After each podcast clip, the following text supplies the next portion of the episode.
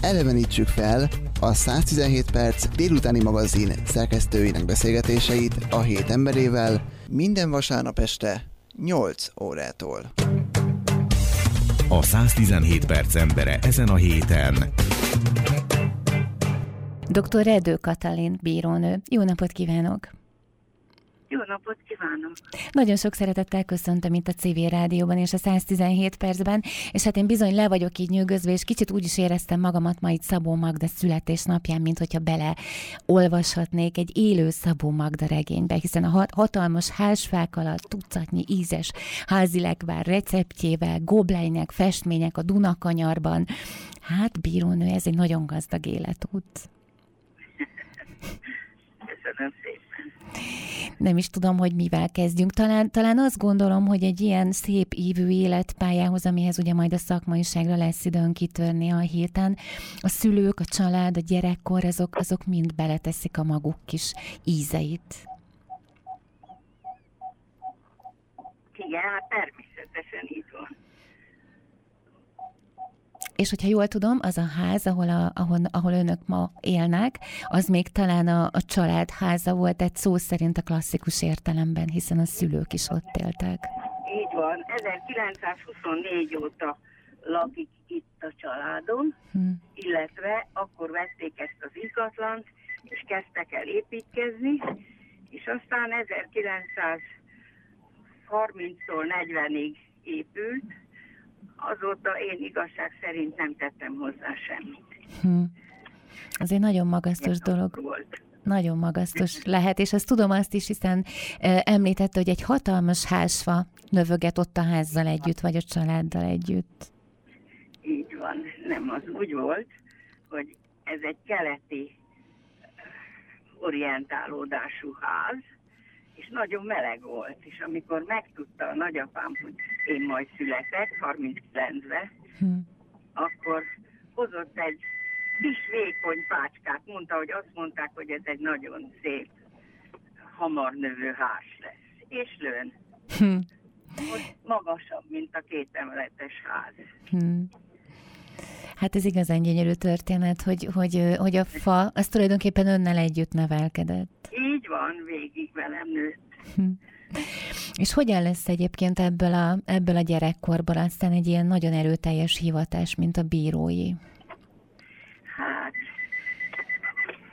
illik becsületesen válaszolni, ugye?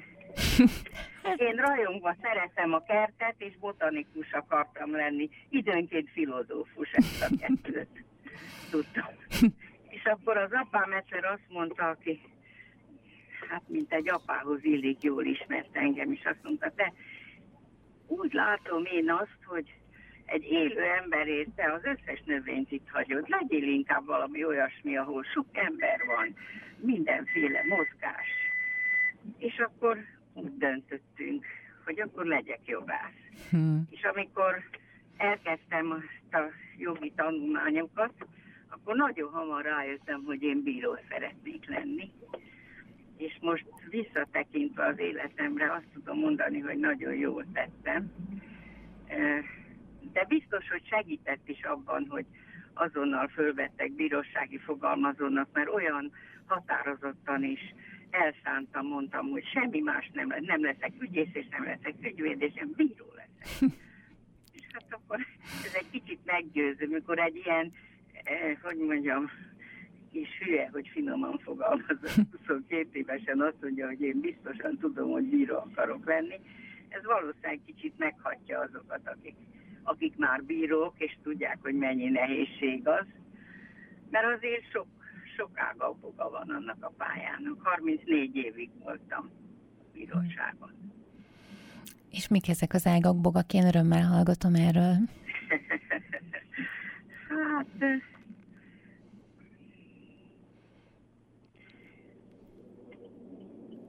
mondjuk, hogy az biztos, hogy az úgy van kitalálva, hogy ketten nem tudnak dönteni. Hmm. Úgy határoznak, hogy megkérnek egy harmadikat, aki aránylag sokat tanult és sokat tud arról, hogy hogyan kell ezt csinálni, hogy döntse el a közöttük levő vitát. És az egyik oldalon ül az egyik, ami, aki csak az ő szempontjait mondja, és a másik oldalon a másik, aki csak a sajátjait, és a harmadiknak, aki ott ül középen, ezt össze kell fésülni, és el kell dönteni, hogy hogy van. Hm. Biztos mindenkinek az életében voltak alkalmak, amikor dönteni kellett. Nem olyan könnyű dönteni, de ez egy olyan szituáció, amikor muszáj dönteni, nem lehet vitatkozni, hogy döntök, nem döntök. Inkább ezt most nem dönteni, mert, mert van bizonytalan, hogy ilyen nem. És ez azért sok terhet, sok alkalmasint lelkiismereti problémát is jelent néha. Hm. Kérdezhetem kedvenc ügyeiről, vagy csak emlékezetes ügyeiről ez alatt a 34 év alatt? Kérem? Kérd, kérdezhetem kedvenc ügyeiről, vagy csak emlékezetes ügyeiről ez alatt a 34 év alatt? Bizt... Talán túlzás kedvencnek, nem kedvenc egyik se.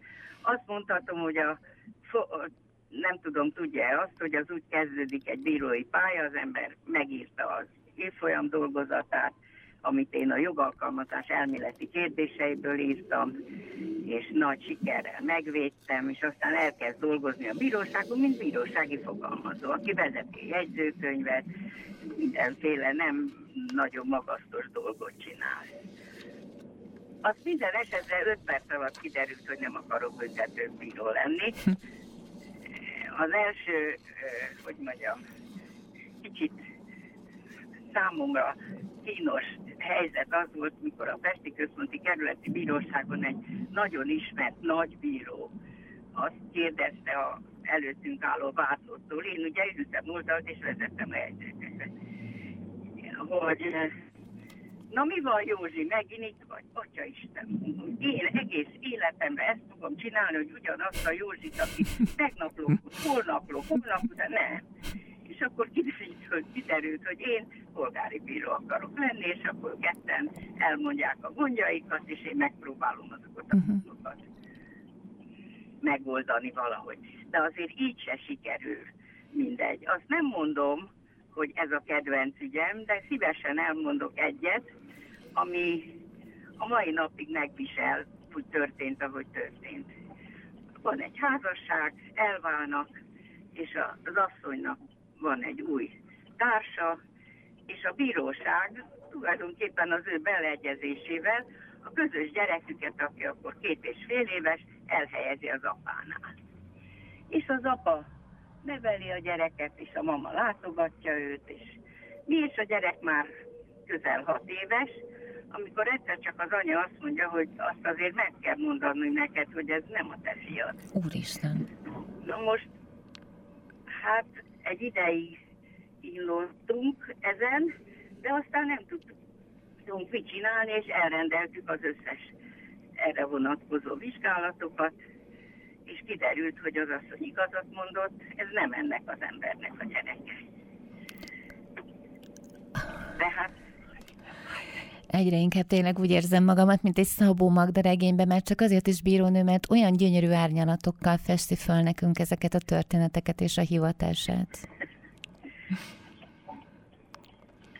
Szóval... Nehéz. Hát, na most azt aztán természetesen egy vita tárgya volt, hogy, hogy most mit is csináljunk. Mert ez a kisfiú mindenütt azt mondta, hogy ez az apja, és ezt szereti, és vele akar élni. De hát a ténykérdés volt, hogy van egy másik apa. Hát nem, nem mondom, hogy nem vagyok büszke, ténykérdés, nem volt igazam, úgy látszik, mert én ott hagytam a gyereket ennél az embernél, és a legfelsőbb bíróság megváltoztatta az ítéletemet, és odaadta az asszonynak a másik férfivel, aki a gyerek vészszerinti apja. Hmm. Tehát ezt azért nehezen viseli az ember, és, és nehezen viseltem valószínűleg azt is, hogy megváltoztatták. Úgy éreztem, hogy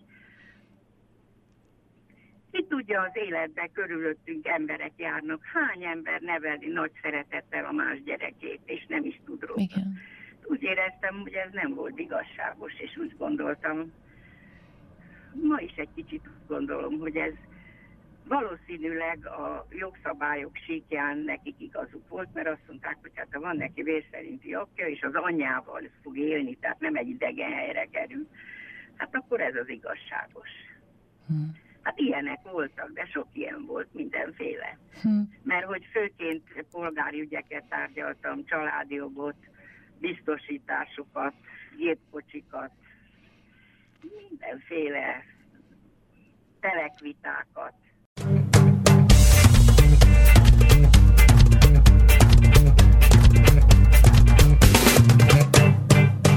Amiről ma szeretnélek megkérdezni, az az, hogy régen mennyivel voltak szerinted ártalmatlanabbak az emberek, vagy azok voltak-e, és mindezt azért kérdezem, mert ma megnézve egy Derrick filmet például, amitől emlékszem, hogy régen nagyon féltem, nagyon ö, vadnak tűnt, nem csak azért, mert én voltam kisebb, szóval ahhoz képest ma már ez egy ilyen, talán nem is raknának 12-es karikát hozzá, szóval, hogy a te ügyeid alapján, a tapasztalatod alapján változott-e a világ, gonoszabbak lettek-e az emberek, vagy ártatlanabbak voltak régen? Hát erre elég nehéz válaszolni. Azt tudom elmondani a legfontosabbnak, ami biztos összefügg ezzel, nem biztos, hogy nagyon könnyen tudjuk feltárni azt az összefüggést, hogy egy kicsit, nem is kicsit, egyszerűbb volt az élet. Tehát az én saját tapasztalatomból azt mondhatom, hogy 50 évvel ezelőtt, ugye én már akkor is itt érkeztem, Mi lehetett egy házastársi közös vagyon? Hát maximum egy lakás, egy nyaraló és egy, egy autó. Ennél egész más, legfeljebb volt még egy csónak. De ha valami dúsgazdag valaki volt, akkor volt egy, egy a Balatonon egy vitorlás. Ilyesmi lehetett. Most mindaz megosztani, ami egy, egy, egy házasságban gyűlt az emberek között, az nem olyan, nem volt olyan nagyon nehéz. Rendkívül, és az emberek éppen ezért, mert nem volt olyan nagyon nehéz, talán nem is voltak olyan bonyolultak, hogy így fejezem ki magam. Szándékosan nem mondom azt, hogy rosszak vagy gonoszak, vagy uh-huh. majd mindjárt elmondok egy-két példát gyorsan Jó. arra, hogy miért lett ez egész más. Hát először is, amikor hirtelen megjelent egy vagyonba egy KFT, először is nem tudtuk, hogy hogy működik. Fogalmunk se volt arról, sőt az ügyfeleknek se, hogy vajon ez nem csak házasságban, két testvér között is. Vajon ez mennyit ér? Ehhez ki kell rendelni egy könyvszakértőt, ami most van benne, annyit ér, vagy annyit ér, amennyit éppen a felfutáson Uh-huh. Ez rendkívül ilyen bonyolította azt a körülményt, hogy a közös tulajdonosok között, azért mondtam, hogy nem csak házasfelek, más közös tulajdonosok is léteznek, hogyan lehet elosztani azt, amiük van.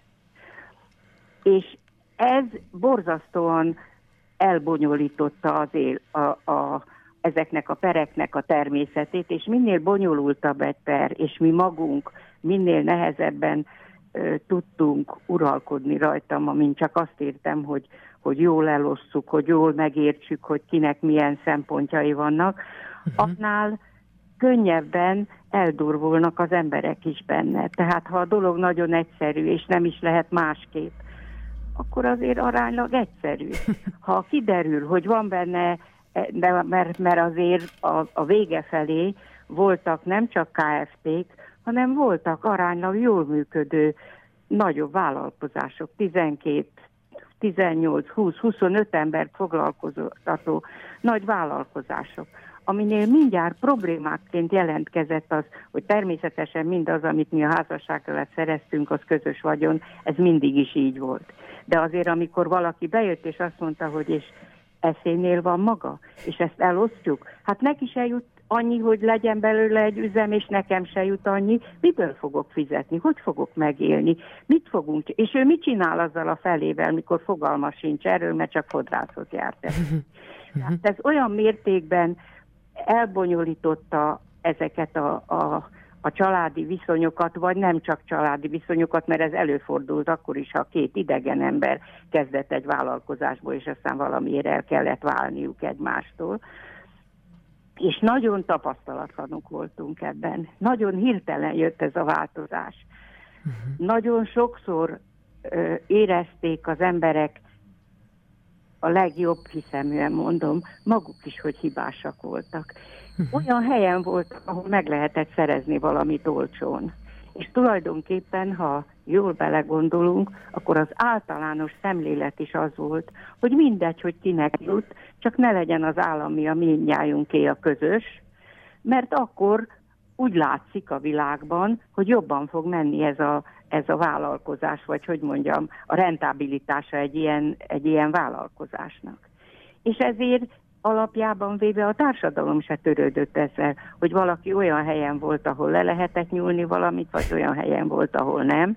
De a felesége vagy a társa, amikor osztozni kellett, akkor természetesen harsányan mondta. És borzasztóan nehezen tudtuk elhelyezni a jogrendszerébe, amelyik egyáltalán nem nőtt föl ahhoz, hogy ilyen problémák legyenek.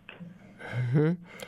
A... Ezt, a pro, ezt az ügyet ezért mondom, hogy arra röviden és könnyedén válaszolni, hogy az emberek egyszerűbbek voltak az ügyeik, és ezáltal egyszerűbbek voltak ők maguk is, és nem nőtt föl a társadalom ehhez a bonyodalomhoz, mert a társadalom úgy viselkedik, hogy akkor kezd ügyes taktikákat és technikákat kidolgozni a megoldandó problémákra, amikor azok már fölmerültek, és nem tud fölkészülni előre, hogy lesznek ilyen problémák. Úgyhogy akkor találkoztunk mi is, és az ügyfelek is. Az ezekkel a gondokkal, amikor azok már előttünk voltak, és semmilyen gyakorlatunk nem volt, hogy ezt hogy kell megoldani. Nem tudom, hogy jól válaszoltam értően. Abszolút, bár én persze Deriket mondtam, és bűnügyekre gondoltam, mert... Hát nem voltam büntetőbíró, és ezért én inkább a polgári részéről tudok beszámolni a dolgoknak. Nem voltam büntető, nyilván a büntető ügyekben is volt ilyesmi, de, de szívesebben beszélek arról a részéről a jognak, ami elég nagy és, és, és, és árnyalt, amivel én foglalkoztam egy életen át. Hát, ö, ö, ügyvédként se vállaltam büntető ügyeket. Egyébként akkor meg az jut eszembe, hogy a mai vállások során meg az is problémát jelent, hogy ki legyen az evőeszköz. Tehát, hogy még mindig arra gondolok, hogy az emberek talán kicsinye... Akkor is volt ilyen. Persze, akkor is volt ilyen probléma. Vannak kicsinyes emberek, és mi. Én megosztottam olyan hálót műanyagból, amiben a labdát a gyerekek viszik a parkba, azt is vegyük föl, az is tié legyen. Uh-huh. Hát ilyesmit is lehet. De, de, de én az emberek az emberek igazságos megítélése érdekében próbáltam azt mondani, hogy az élet sokkal bonyolultabb, és mi nem voltunk fölkészülve erre a bonyolultságra, mint amilyen kezdetben volt. Uh-huh. Hogy lehetett alkalmazkodni? Volt egy pár hiba, és abból lehetett tanulni? Bíróként is akár, vagy hogy? Hát nagyjából igen.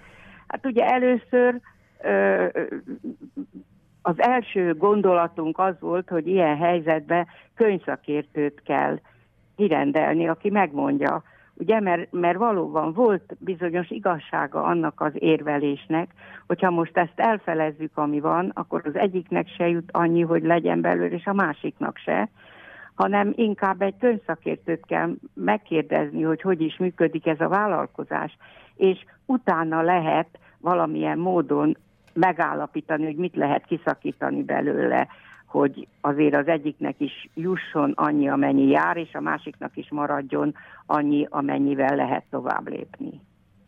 Nem, nem volt a, a könyvszakértők ugyanúgy nem voltak fölkészülve erre, mint mi, minnyáján. Tehát az ügyfelek és mi egyforán ültünk ebbe a, a bonyolult, újjáalakult életbe, és csodálkoztunk, hogy hogy is fog ez most majd. Aztán később most már talán valamivel egyszerűbb, most sem nagyon egyszerű. Mennyire követed a mostani ügyeket? Hát nem is az ügyeket, hanem... A szabályt, jogszabály nem változott nagyon jelentékenyen. De neked igazságosnak kellett lenned, vagy pedig a jogszabályt kellett gyakorolnod, betartatnod? Hát nem... ez, egy, ez egy bonyolult és nagyon érdekes kérdés. Azt tudom mondani, hogy a jogszabályt kell követni igyekszik az ember igazságos lenni természetesen, de semmiképpen nem szabad keresztül lépni a jogszabály határozott vonalain, azért, mert ezt nem tartja az ember igazságos. Úgy nem lehet ítélkezni. És azt kell tudni, hogy ma így döntöttem, és holnap is jön valaki, és megint így kell, és holnap után, és megint. És hogyha annak nem lesz olyan szomorú, szép szeme, és nem terül ki, hogy, hogy nem tudom, elvetélt, és már nem lehet gyereke, és ezért egy kicsit többet szeretne, most csak mondtam egy uh-huh. uh-huh. ami többször előfordult, azért ez, ez nem. Másik probléma, amit azért, ami így van, és mindig így volt, tehát amióta én ítélkezem, nem mindig persze, Magyarországon nincsen védkességi vállás. Ezért aki csalt, aki megbántotta a másikat, aki igazságtalan volt, annak azért nem jár kevesebb, annak ugyanannyi jár, mert nincs védkesség. Azt nem azt kell bizonyítani, hogy ki volt a védkes, hanem azt, hogy egy házasság teljesen és helyrehozhatatlanul megromlott. Ez ma is így van. Akkor is így volt, és ma is így van. De azért ezt nem olyan könnyű, ezt azért mondom, mert ez nagyon jellegzetesen ö, tükrözi azt, hogy mennyire a jogszabály határozott utasítása szerint kell eljárni, és igyekezni kell nem nagyon igazságosnak lenni, akkor is, hogyha ez a kettő nem fedi egymást. Nem nagyon igazságtalannak. Azt is lehet mondani, csak ja. előbb az volt a kérdésfeltevés, hogy igazságos vagy a jogszabálynak megfelelő, azért fogalmaztam itt. Persze, hát ez ugyanazt jelenti. Szóval nem, nem tud és nem szabad keresztül lépni azon a határozott utasításon, ami a jogszabály. A jogszabály azt mondja, hogy aki vétkes, annak pontosan annyit kell adni a közös vagyonból, és ha rá van szorulva, akkor házastársi tartást is kell kapnia. Mert ez így van. Uh-huh. Akkor is, hogyha úgy látom, hogy az illető gonosz volt, rosszul járt el, hibázott, egy csomó ember életét tönkretette, akkor is így van. Uh-huh. Uh, Ezen nem tudunk átlépni. Egyébként te bizonyosan azt láttad, amikor az emberek már gyűlölték egymást, ugye? Már mindig akkor kerültek hozzád, amikor a mízesetek meg a sok békés év után már egymás torkának tudtak esni. Van arra magyarázatod, hogy ho- Hát nem is tudom jól feltenni, mert annyira őrület, hogy nem is... Romlik? E, e, ez romlik, így mondjuk? Hát nem tudom, szóval olyan furcsa, hogy emberek egyszer hát, szerették egymást, aztán meg és aztán nem. És aztán meglepik egymást, hogy mennyire, hogy mit művelnek egymással. Neked van erre valami épkézláb meglátásod, rálátásod, válaszod, hogy hogy történhet ez? Vagy mi történik ilyenkor? Vagy meddig tart? Vagy is. mindenkivel ez történik? Nem biztos, hogy mindenkivel, de az biztos, hogy lehetőség szerint nem szabad nagyon önzőnek lenni. Igyekezni kell nem önzőnek lenni mert amikor valaki minden helyzetben, ami elé kerül, a saját érdekeit próbálja érvényesíteni, akkor arra mindig van egy reakció. A másik állandóan igyekszik egy kicsit előbb lépni, mert tudja, hogy ez olyan önző, ez folyton a saját érdekeit fogja nézni, de én majd nagyon vigyázok. És ezzel a leg ö, alkalmasint kellemesebbnek induló kapcsolat is állandóan egy ilyen kis ide-oda játékká torzul. Uh-huh. Azt tudom mondani, hogy vannak aztán emberek, akiknek sikerül ezen átlépni. De nagyon sok, na, az a tapasztalatom, hogy nagyon sokszor ez árt. Tehát aki nem azt nézi egy kapcsolatba, hogy hogy tudnék úgy viselkedni, hogy a másiknak nagyon jó legyen, hanem állandóan azon gondol, hogy nagyon kell vigyáznom, hogy nekem nagyon jó legyen. Most tulajdonképpen nem olyan fontos, hogy nagyon jó-e neki, hát remélem neki is jó, vagy valami. Maga az egész együttlét, most nem valami konkrét dologra gondoltam. Uh-huh. Tehát az egész együttélés. És ehhez képest vannak, vannak nagyon kedves technikák, amiket az emberek kitalálnak. El, átmentem a szomszédunkba, amikor egy tíz emeletes szövetkezeti házba volt egy kétszobás lakásom, és látom, hogy a férj térdel a izén és fölmos. Mondom, mit csinál? Azt mondja, ne is tessék mondani, úgy berúgtam az este, és úgy érezte, hogy ha most fölmos és takarít, és a feleségéért valamit tesz, akkor biztos, hogy az örülni fog ennek. Hát ilyen is létezik, azért mondtam csak ilyen buta példát, mert egy csomó ilyen apróságon is múlik. Tehát akibe akkor, amikor valami hibát követett el, akármilyen gyerekes módon fölébred valami kár, kár okozás elkerülése, vagy hogy mondjam, jóvá tétel. Lelkismeret furdás. Uh-huh. Lelkismeret furdalás eredménye, akkor az már valami, és a másik már látja, milyen aranyos, hogy fölmos. És akkor hát, ebből kijön valami. Na de válláskor senki nem ezt tartja szem előtt. Tehát ez a bácsi, aki ott googolva felmosott, az még messze volt a vállástól nyilván. Persze, persze. persze. Uh-huh. Nem, hogy a vállás, hát sokszor azon is múlik, hogy valaki keres valamit, és nem találja meg. Tehát keresi akár azt, hogy milyen szépen éltek a szülei, és ő is úgy szeretne. Lehet, hogy a szülők nem voltak nagyon őszinték, mert nem is éltek olyan borzasztó szépen, csak ő csak a szépet látta, és a szülők úgy érezték, hogy mindent megtett értük. Ilyen tapasztalatom is volt. Uh-huh. Most a vállókokra tértél át, igaz? Én nem csak, hanem a, nem, arra a kérdésre kerestem a választ én magam is, hogy hogy történik az, hogy minden rendben volt, és aztán egyszer csak elkezdenek elválni. Mondom, úgy történik, hogy az illető folyton kereste azt, az Aha. ő és a felesége vagy férje életébe, amit a szülőknél látott. Hogy Idealizált. Esetleg a szülőknél se volt az. Uh-huh, uh-huh, uh-huh. Mindenki, mondom, keres valamit. Aztán biztos az is benne van, nem tudom, nem fecseget túl sokat. Az is benne van, hogy az emberek nagyon sokszor, ha valami nem stimmel, akkor próbálnak valami okosat csinálni. Például gyorsan csinálni a gyereket. Akár, hogy hányszor mondtam el, szerintem ezerszer az alatt a 30 év alatt, hogy hogy jutott eszébe, mikor látta, hogy ez se jó, egy harmadik szemét is belevenni, aki borzasztó bonyolultá teszi az életet.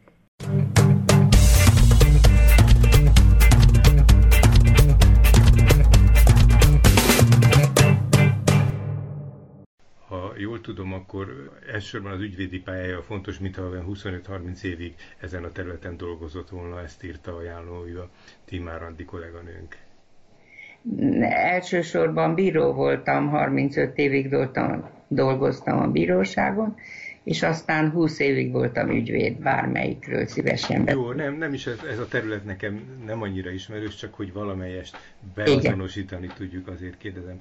Igazából én egy kicsit arra gondoltam, hogy arról faggatnám, hogy, hogy hogy éli meg ezt a mostani helyzetet, már most nem a politikai helyzetre gondolok, hanem ezt a bezártságot, ezt a pandémiát. Ha jól tudom, akkor Leányfalun tetszik élni. Igen.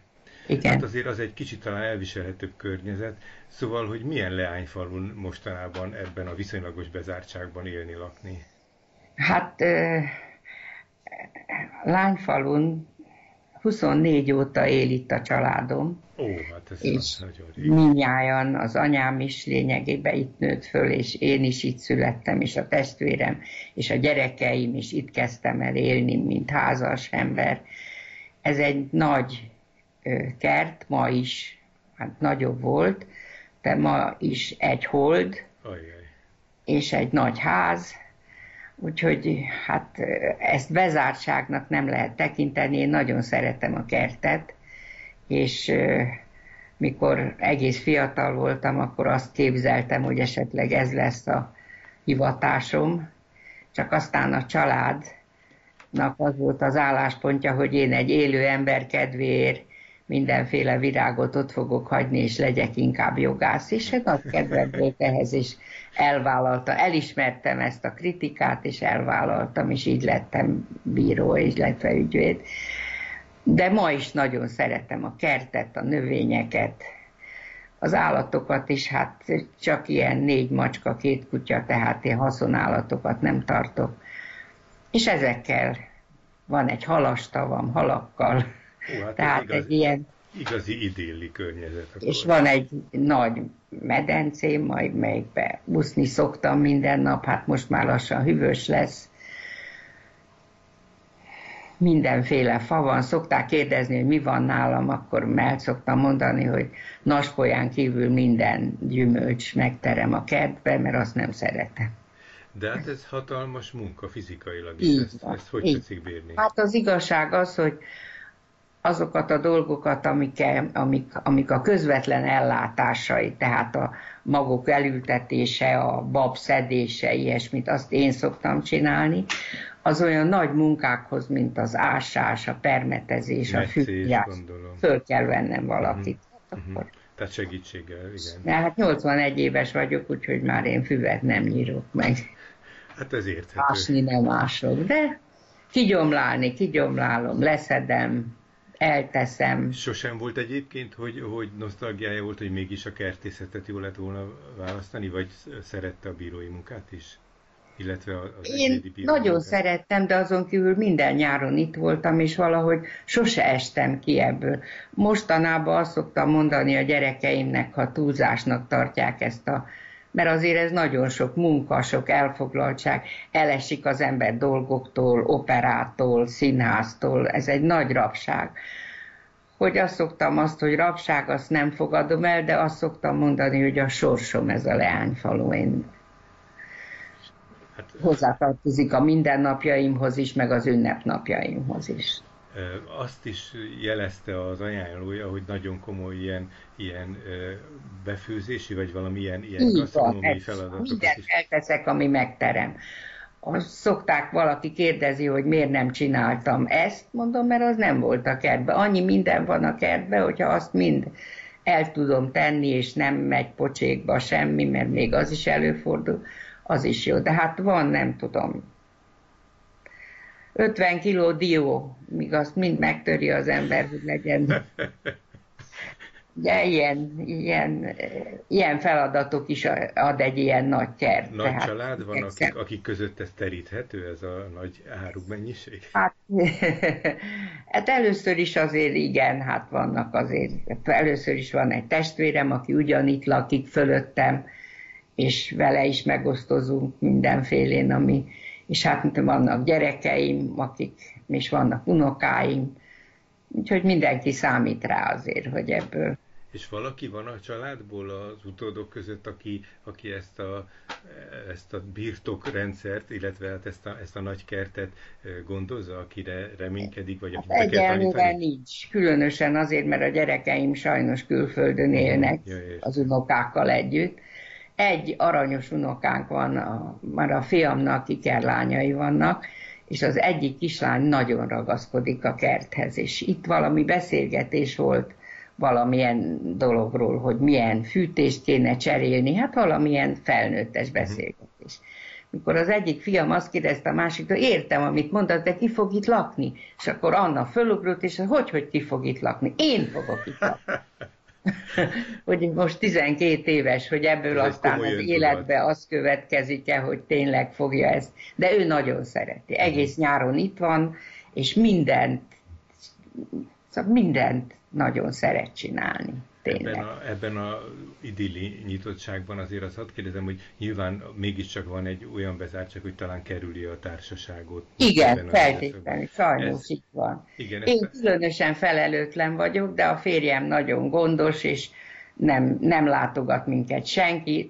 Őszintén ez egy nagy ház, tehát mind a három, három családnak lényegében van egy külön otthona ebbe a nagy házba és ezért én takarítónőt szoktam hívni ehhez, de ez most nincs, úgyhogy ez a küzdelem is rám vár. És akkor ezek a e, ilyen társasági kapcsolatai azért valamilyen módon megtarthatóak ebben a bezártságban? Hát eleve mondta, Most hogy... csak telefonálunk, csak... nem hívunk senkit. Egyébként nagyon sokan szoktak járni hozzánk.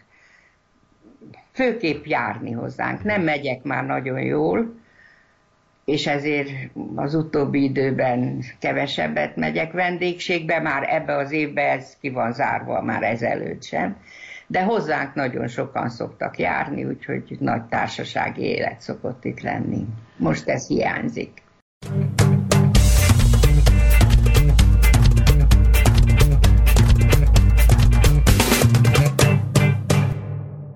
Amiről én szeretném kérdezni, az egy számomra nagyon izgalmas időszak, amikor 1976 és 1982 között Oroszországba kerül a férjének köszönhetően Moszkvától 200 kilométerre. Azért ez egy nagyon, nagyon jelentőségteli változás, mind szakmailag, mind, mind magánemberként. Persze. Ez igaz. Ilyen fizikus, hm. és ez az intézmény, ahova kerültünk, egy az Egyesített Atomkutató Intézet, amelyiknek Csehszlovákia, Lengyelország, Kelet-Németország, Mongólia, Vietnám, Észak-Korea, Oroszország, illetve Szovjetunió volt még akkor természetesen, és Magyarország is tagjai voltak. És mindezek a résztvevő államok delegáltak 50 körüli munkatársat az Atomkutatóintézetbe. Ezek részben fizikusok, nagy mennyi fizikusok voltak, mérnökök, és volt egy, egy számítógépeket kezelő csoport is külön. A férjem a MAG problémák laboratóriumának igazgató helyettese volt.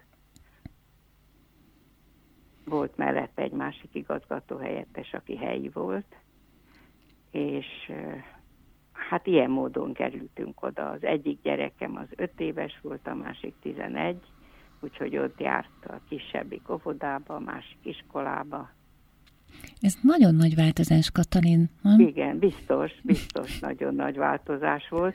Ö, én azért még majd beszélek esetleg, ha érdekli önöket a a Dubna életről is, de annyit mondjuk a saját személyes életemről, hogy azért egy olyan egy év múlva kicsit úgy éreztem, hogy nagyon háziasszony lettem, és akkor jelentkeztem a Moszkvai Állam és Jogtudományi Intézetbe, hogy környezetvédelmi kérdésekkel kapcsolatban, mert ez egyébként érdekel, tulajdonképpen mint magánember, ehhez nem volt köze az én bírói munkámnak, jelentkeznék, hogy igényt tartanak-e a munkámra. És akkor körülbelül egy hétben, egyszer vagy két hétben, két napra bementem Moszkvába, és ott fordítottam a magyar jogszabályokat, ami érdekelte őket. És eközben aztán írtam egy dolgozatot, amelynek az ismertetésére egy nagy ashabádi konferenciára is elutaztam, és ott képviseltem Magyarországot, meg saját magamat. Érdekes volt megismerni egy másik országot. Egyébként ez egy nagyon szép hely. A Moszkva tenger, egy Dubna, egy Szesztra és egy Volga nevű folyó határolja. Ilyen értelemben tulajdonképpen egy szigeten van az Atomkutatóintézet. Hmm gunyorossággal azt mondták, hogy annak idején azért választották ki ezt a helyet, mert ide hát nagyon nehéz behatolni emiatt. Hm. Fizikusok kicsit morogtak, mert kicsit kocsonyásult a talaj, és voltak olyan mérések, amiket nem jól lehetett végezni, de azzal együtt egy nagyon szép erdőben, mondom, négy folyó határolta helyen éltünk, más volt. Nagyon érdekes egyik ilyen, másik olyan azért így távolról az ember nem ismerte őket annyira. Kicsit szórakoztató volt, hogy a koreaiak, akiknek a nyelve az azt hiszem 50 éves, a nyelve és írásbelisége most, tehát átalakult de minden hétvégén összegyűltek a kertbe, és elégették az újságokat, hogy nehogy valaki megtudja, hogy mikről szoktak írni, ami kicsit szórakoztató volt, mert elég furcsa elgondolni, hogy a többi, tehát lengyelek, németek, magyarok, stb. Kik tanultak meg az új nyelvet azért, hogy tanulmányozzák a napilap Tos, hogy egy kicsit, hogy mondjam, megrázó vagy szórakoztató volt az is, hogy például a németek, ha meghívta valaki vendégségbe őket, mert hát miért ne hívtuk volna, a gyerekek együtt jártak iskolába. Kiderült, hogy utólag mindenkinek jelentést kell írni arról, hogy mi történt ezen a vendégségen, ami azért minket magyarokat meglepett, mert nálunk semmi hasonló nem volt. Igen, akkor ezek még igazi klasszikus Szovjetunióbeli élmény. Igen, igen, igen. Hát csak azért meséltem. Nagy élmény, hogy voltam, hát egy csomó helyen voltam. Voltam a Bajkáltónál, voltam a Kazbek nevű egyik legnagyobb csúcsán a Kaukázusnak, jártam Örményországba, Grúziába, mondom Ashabádba, tehát Közép-Ázsiába, és nagyon szép nagy ország, tehát biztos voltak hibái, ezek valószínűleg nagyjából el is halványultak már, de mint természet és mint népesség is rendkívül érdekes és és nagy élmény volt. És a keddi adásban már ugye szóba került a vállás kapcsán maga a házasság is, és akkor ezt most hadd kérdezzem már meg, hogy ez tipikusan az a helyzet, amikor csúnya kifejezéssel mondva, hogy a két dudás van egy csárdában, tehát van egy atomfizikus, akinek ugye a családjával együtt külföldre kell költöznie, és van az ön szakmai karrierje. És valahogy ezt nagyon jól sikerült magánemberként összeegyeztetniük. Igen, nem volt, nem volt ilyen probléma. Hát biztos azért ebből a szempontból egyébként, hát 60 éve azt merem mondani, hogy nagyon jó házasságban élünk, és ez se jelentett problémát. De biztos, hogy egy kicsit kicsik is voltak a gyerekek, tehát az embernek egy öt éves gyereke van, akkor azért örült annak, hogy elviszi az óvodába, és várhatja haza, és, és nagy élmény volt mondjuk az is, hogy nagyon izgatott voltam, mert hogy a kisfiam egy szót nem tudott oroszul. Hm. És akkor, mikor elvittem az óvodába, és kérdeztem a vezetőnőt, hogy hát mi lesz ezzel. Azt mondta, tessék nézni, egy öt éves 450 szót használ. A maga fia körülbelül három hónap alatt ezt a 450-et megtalálja, és úgy fog járni, mint a többiek, és ez így is történt. Hm. Három hónap után teljesen szabadon beszélt, mindent intézett. Ön ugye magyar háziasszonyként ezen a csodálatos vidéken él kint, és egy akkor még teljesen új területtel tud elkezdeni foglalkozni a környezetvédelemmel. Ez azért érdekelt, tehát itthon is sokat olvastam, ezek a jogszabályok ki voltak gyűjtve nekem. Hát ez csak úgy érdekelt, mert a környezetvédelem az egy olyan dolog, ami, ami hobbi szinten is érdekelheti az embert. Na most azt nem képzeltem, hogy egy állami és jogtudományi intézet egy idegen országban komolyan fog foglalkozni mhm. a magyar polgári jogszolgáltatás részleteivel, de jól találtam el, mert ez a környezetvédelem őket is érdekelte, és, és örültek annak, hogy ott van valaki, aki a magyar jogszabályokat lefordítja, vállalkozik arra, hogy összehasonlítja a különböző jogszabályok, hogy mondjam, technikáját uh-huh. és magukat a jogszabályokat. És körülbelül egy ilyen összehasonlító ö, dolgozat volt az is, amivel végül is aztán hát ezt a mondjuk, hogy eredményt elértem. Hm. És mi volt a téma egyébként akkor azokban az időkben, mint környezetvédelem? Hát jelentékeny részben az erdők védelme, akkor nagyon jelentős volt náluk legalábbis ennek a büntetőjogi része is, uh-huh. tehát a, a vadászati engedélyek, stb. Sajnos, ezt őszintén mondom, olyan kérdésekkel, hogy hogy sikerült kiszárítani az araltavat, vagy, vagy hogyan történt az a probléma, hogy a Bajkál, nem a Bajkál, bocsánat, a Szevántó amelyikből egyetlen folyó folyik ki a rázdán, hogy ezek nem tudom, három, vagy hát talán három kilométer sok, de egy kilométer biztos volt, amit csökkent a tó mérete, uh-huh. amiatt, hogy egy kicsit uh, ilyen uh, nem eléggé átgondolt mezőgazdaság rengeteg vizet vitt el, különösen Örményországban, ahol nem sok eső esik engem nagyon érdekeltek ezek a problémák, de ők nagyon elzárkoztak attól, hogy ebben elmélyüljek, úgyhogy jelentékeny részben mondom ezek a, a különböző vadvédelmi, erdővédelmi, a földminőségvédelmi problémák foglalkoztatták őket, és én is abba kapcsolódtam be, mert hiszen volt egy nagy intézet, ahol én egy valaki voltam, úgyhogy de az nyilvánvalóvá vált azonnal, hogy ezek a nagy lélegzetű állami ö, intézkedéseket nem is mondom, hogy kritizáló, de azokkal foglalkozó problémák iránt nem voltak nyitottak. És akkor én sem erőlködtem ezen, hmm. hanem azzal foglalkoztam, hogy milyen folyóvédelmi, milyen a halak védelme és telepítésével kapcsolatos szabályok vannak nálunk és náluk. Hát ez, ez is nagyon érdekes volt.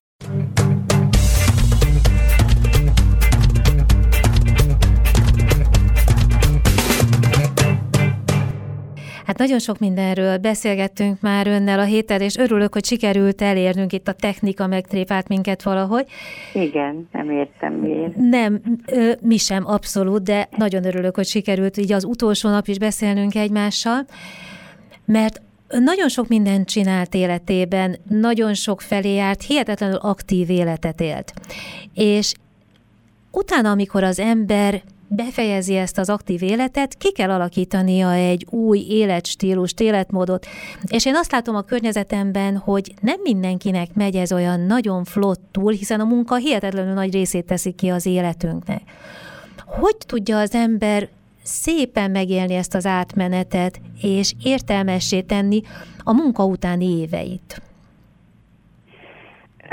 Hát az első dolog, amit el szeretnék mondani erről, hogy valószínűleg ebben azért segít az, ha az ember tényleg elfárad. Uh-huh. Tehát 1996. január 1-én úgy éreztem, hogy már nem tudom olyan jól csinálni ezt. Nem, nem tudok.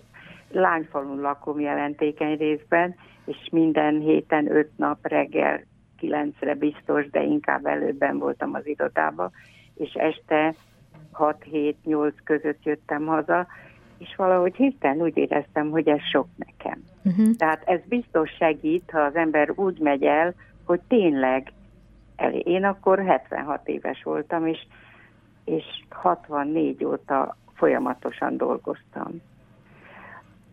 A másik dolog, amit akarok erről elmondani, hogy illetve szeretnék, hogy szebben hangozom, Biztos, hogy számít mhm. az, amit már elmondtam, hogy ez a leányfalu, ami egy holdas, nagyon szép, parkos kert, és egy nagy ház, ez azért a sorsom. 24 mm. él itt a családom, és azonnal úgy éreztem, hogy most aztán mindent megcsinálok, amit eddig elmulasztottam. Ültetek magnóliát, és sejemakácot, és húsos somot, és mindent, amit, amit szerettem volna, és nem volt rá időm, megcsinálom.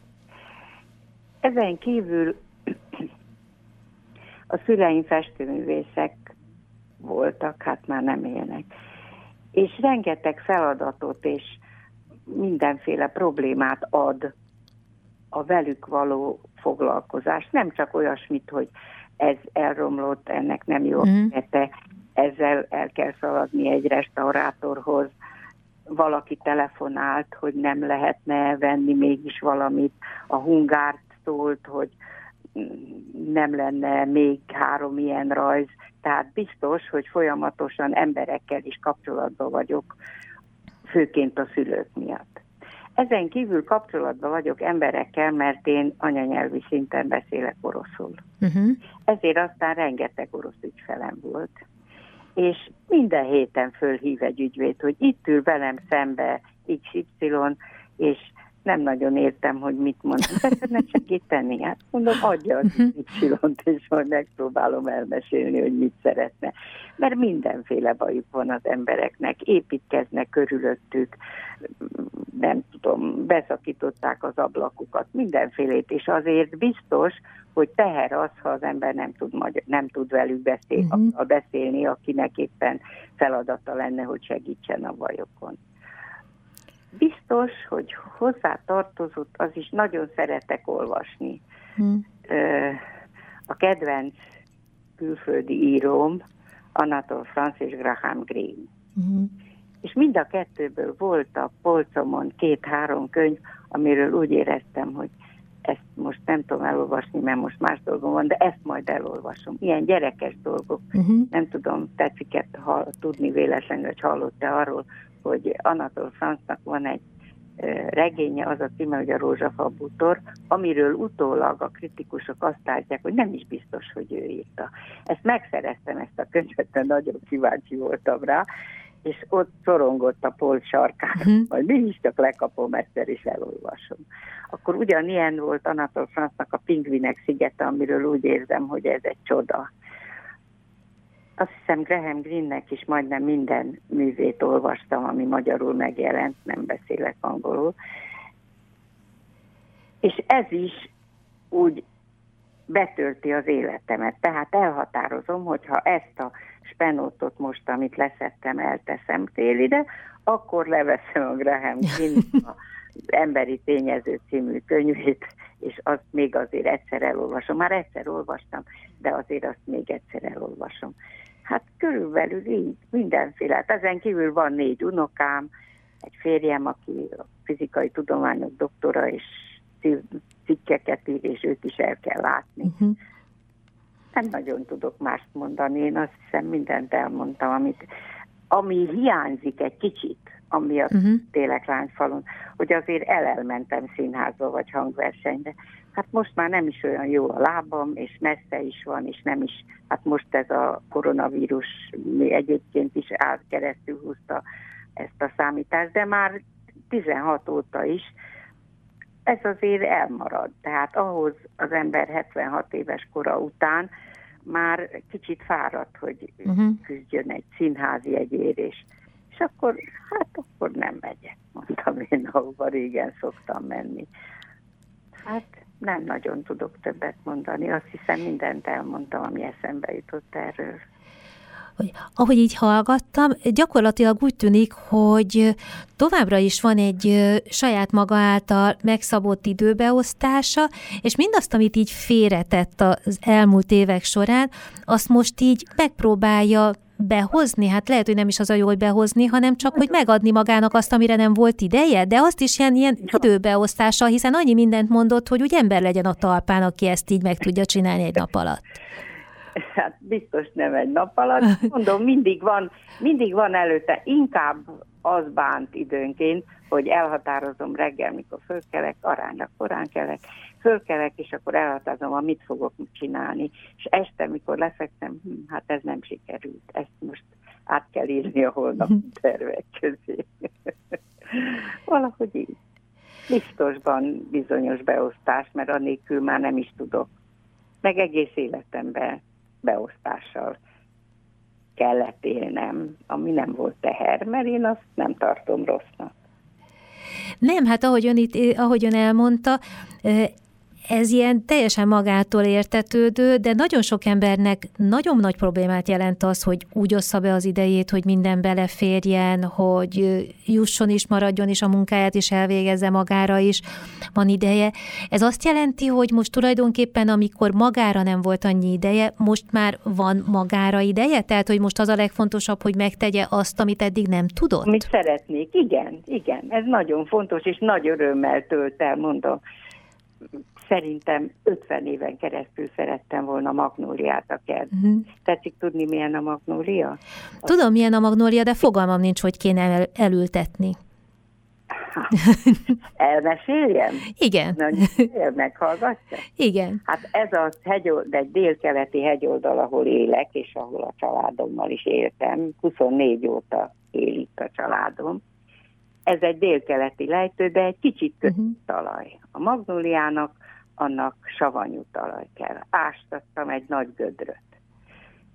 Szereztem az erdőből, én akkor még fiatalabb voltam, hoztam ö, földet. Egy nagy ö, fekete zsákban, és annak az alját 10 centinként, illetve 3 centinként 10 centis ö, vágásokkal kivágt. Uh-huh. És aztán beletettem az egészet ebbe a nagy lukba, amit ástam, és megrántottuk, nem egyedül csináltam. Uh-huh. Megrántottuk a, a zacskót, és az, mint hogy a föld is nehéz volt neki, meg mi is nagyot rántunk, uh-huh. kijött, mint egy cső, a fenekén ott maradt az a darab, hát az nem ártott senkinek, és ebbe a földbe ültettem el a magnóliát, és hát gyönyörű, gyönyörű. Mindenki mindig megáll az utcán, és még olyan is van, aki becsönget. Tessék már megengedni, hogy lefényképezik a kislányomat ez alatt a fal. Hány éves most a magnólia? Hát talán, talán hat. Ez gyönyörű lehet. Itt volt velünk egész héten. Hogy érezte velünk magát? Nagyon kellemesen. Én úgy érem, mindenki nagyon kedves volt, és valószínűleg nem, nem ö, ö, csalódom, ha úgy éreztem, hogy érdekelte őket, amiket meséltem, és így aztán én is jól éreztem magam, és remélem, hogy önöknek is megfelelt, amit meséltem. Hát számomra nagy élmény volt az, a, az az életöröm, meg az az életenergia, ami árad abból, ahogy mesél. Szerintem ez egy fantasztikus dolog. hát. Én nagyon örülök, hogy tudtunk beszélni. Lehet, hogy holnap nem fogok még magnóliát ültetni, de hogyha lesz idő most már legalább, akkor tudom, hogy hogy kell. És az egészen biztos, hogy be kell szereznem valakit, aki meg tudja rántani velem ezt a fekete zsákot, mert hogy pont ez a mese jutott eszembe, ez, ahogy húzták együtt a répkát. Répkát, igen. Úgyhogy ez is valami hasonló közös tevékenység lehet. Én nagyon örülök, hogy a hét ember ezen a héten Redő Katalin volt, és kívánok még sok szép napot, és sok szép virágot a kertjébe. Nagyon szépen köszönöm. Én is nagyon örültem. Viszontlátásra! Viszontlátásra! Visszahallgatná? Most megteheti. Elevenítsük fel a 117 perc délutáni magazin szerkesztőinek beszélgetéseit a hét emberével minden vasárnap este 8 órától.